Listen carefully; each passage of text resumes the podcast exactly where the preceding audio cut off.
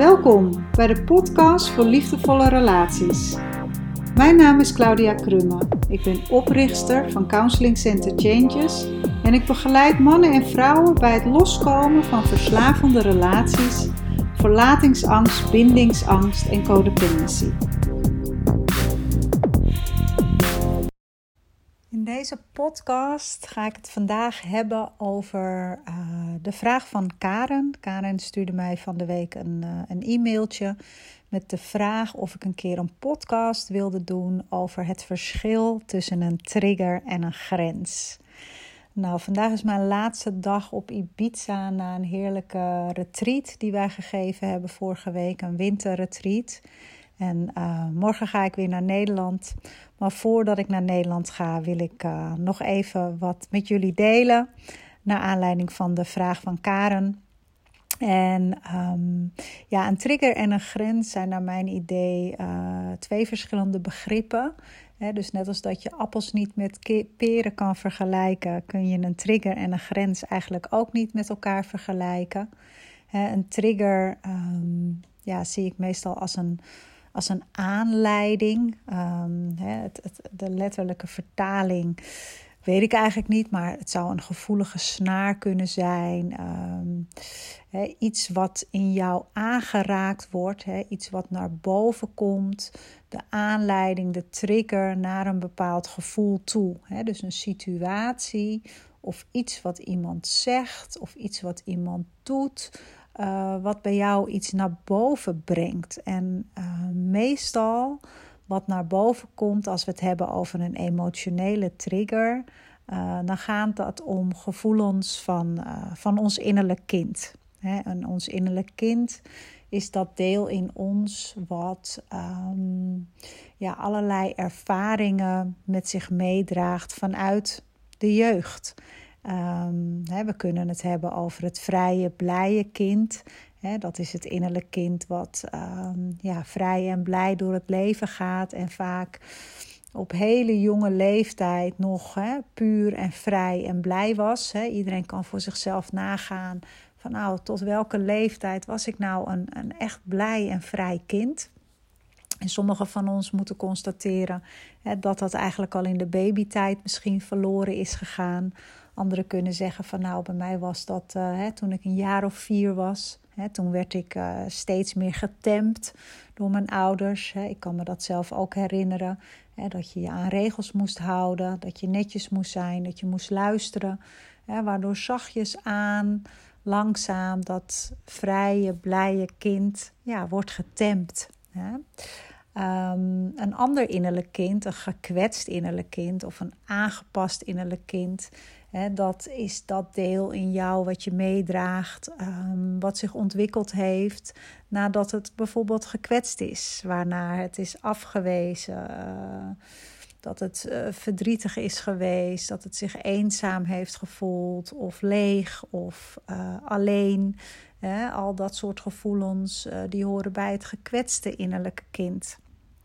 Uh, we hebben ook een aangepast innerlijk kind. Hè? Zeker degenen die al wat langer naar mij luisteren en mij volgen, hè, die uh, zijn geïnteresseerd in de topics codependency en relatieverslaving. En codependents uh, die hebben heel vaak ook een, een aangepast innerlijk kind die ze met zich meedragen. En dat aangepaste innerlijk kind, um, dat kan ook door middel van een trigger hè, naar de oppervlakte komen. Dus er zijn enorm veel verschillende innerlijke kinderen die we met ons meedragen. En die naar aanleiding van een opmerking van buitenaf of een situatie hè, naar de oppervlakte komt.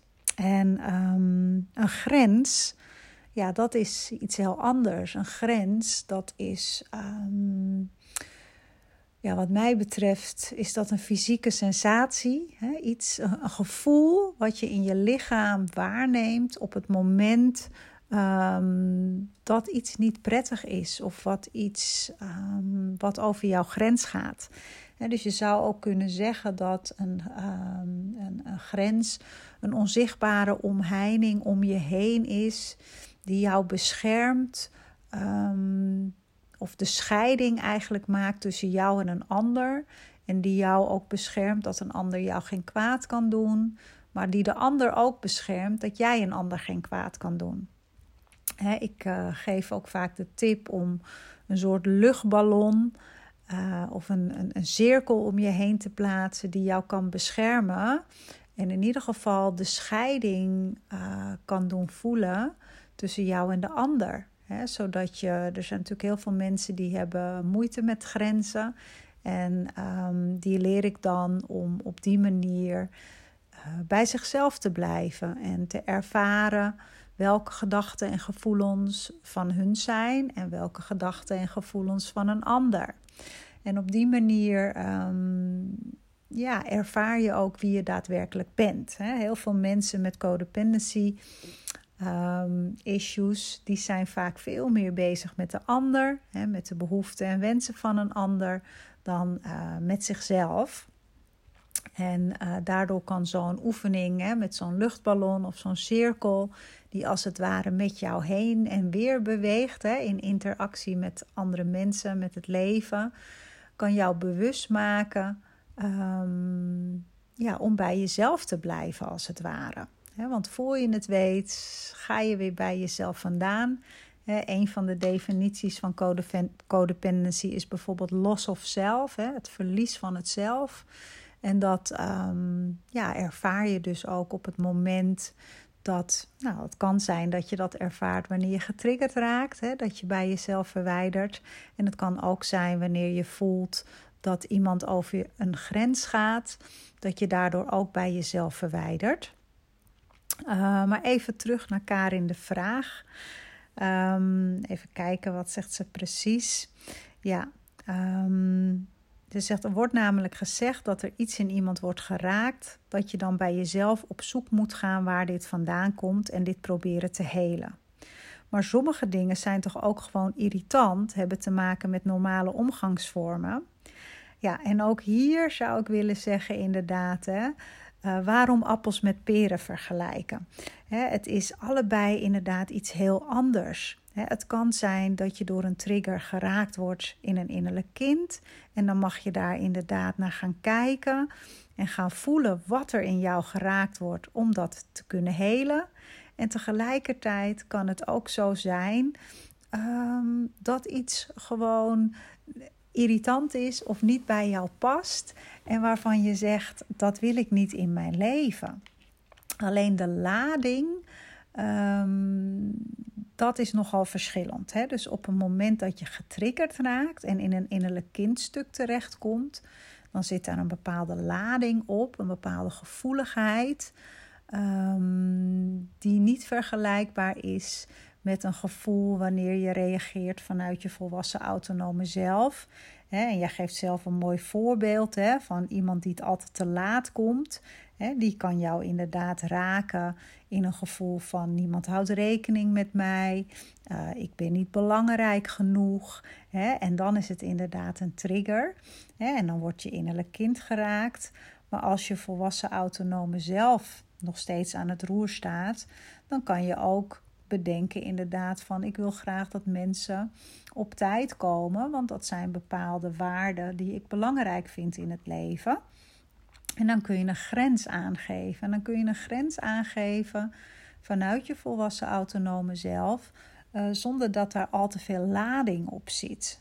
Maar als je voelt van, hè, ik word er boos van, ik raak er geïrriteerd van, um, ik voel me inderdaad um, verdrietig of aangeslagen of op wat voor manier dan ook emotioneel geraakt, hè, dan heb je echt te maken met een trigger.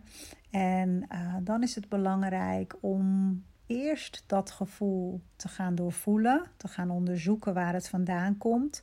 En als je daar dan doorheen gewerkt hebt en jezelf hebt gegeven wat je nodig hebt, dan kun je altijd nog besluiten om die persoon even goed ook aan te spreken uh, vanuit je volwassen autonome zelf dat je het niet prettig vindt als iemand te laat komt. dus dan is het en-en en niet of-of. Dan word je dus en vanuit een trigger geraakt in een innerlijk kindstuk. Daar mag je naar gaan kijken. Dat mag je gaan helen. Je mag jezelf daarin geven wat je nodig hebt.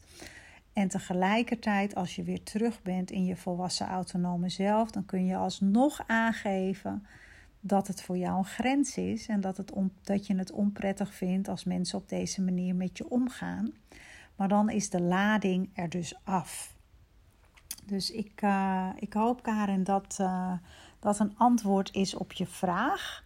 dus het heeft wel wat overlap, uh, maar het is absoluut niet, niet hetzelfde. Wat misschien ook nog wel belangrijk is, is dat een trigger vaak heel subjectief is. dus als er een gevoelige snaar wordt geraakt, dan is dat bij iedereen anders. Als je tien mensen op een rijtje zet en er komt een auto langs gereden terwijl het heel hard regent en iedereen wordt nat op straat, dan zullen alle tiende mensen zullen op een andere manier reageren. Um, ja, allemaal anders. Dus dat betekent dat het subjectief is. De een zal boos worden, de ander zal verdrietig zijn. Weer een ander denkt, ach, dat boeit me niet.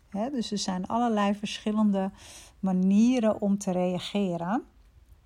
En uh, een grens daarentegen is wat, wat objectiever. Hè? Dus um, je kijkt meer vanuit um, een objectieve gedachte naar de situatie. Hè? Bijvoorbeeld als we kijken naar dat voorbeeld van te laat komen, dan bekijk je dat nou ja, vanuit een, een, een niet-emotionele plek. Hè? Wanneer je vanuit je volwassenen reageert, dan kijk je gewoon objectief naar de feiten. Hè? De feiten zijn: iemand komt te laat en uh, ik vind dat niet oké. Ik ga graag met mensen om uh, die op tijd komen. Dus je haalt als het ware de emotionele lading haal je ervan af.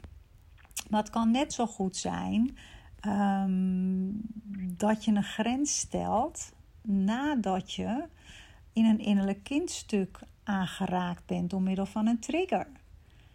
dus het is nooit of-of en het is niet uh, wat is nou het verschil. Het heeft ook heel veel overeenkomsten en je kunt het ook naast elkaar Ehm, met elkaar verenigen. Hè? Dus wanneer je in een innerlijk kind geraakt wordt en je doorwerkt dat en je komt weer terug in je volwassen autonome zelf, dan kan het alsnog zo zijn dat je besluit om een grens te stellen.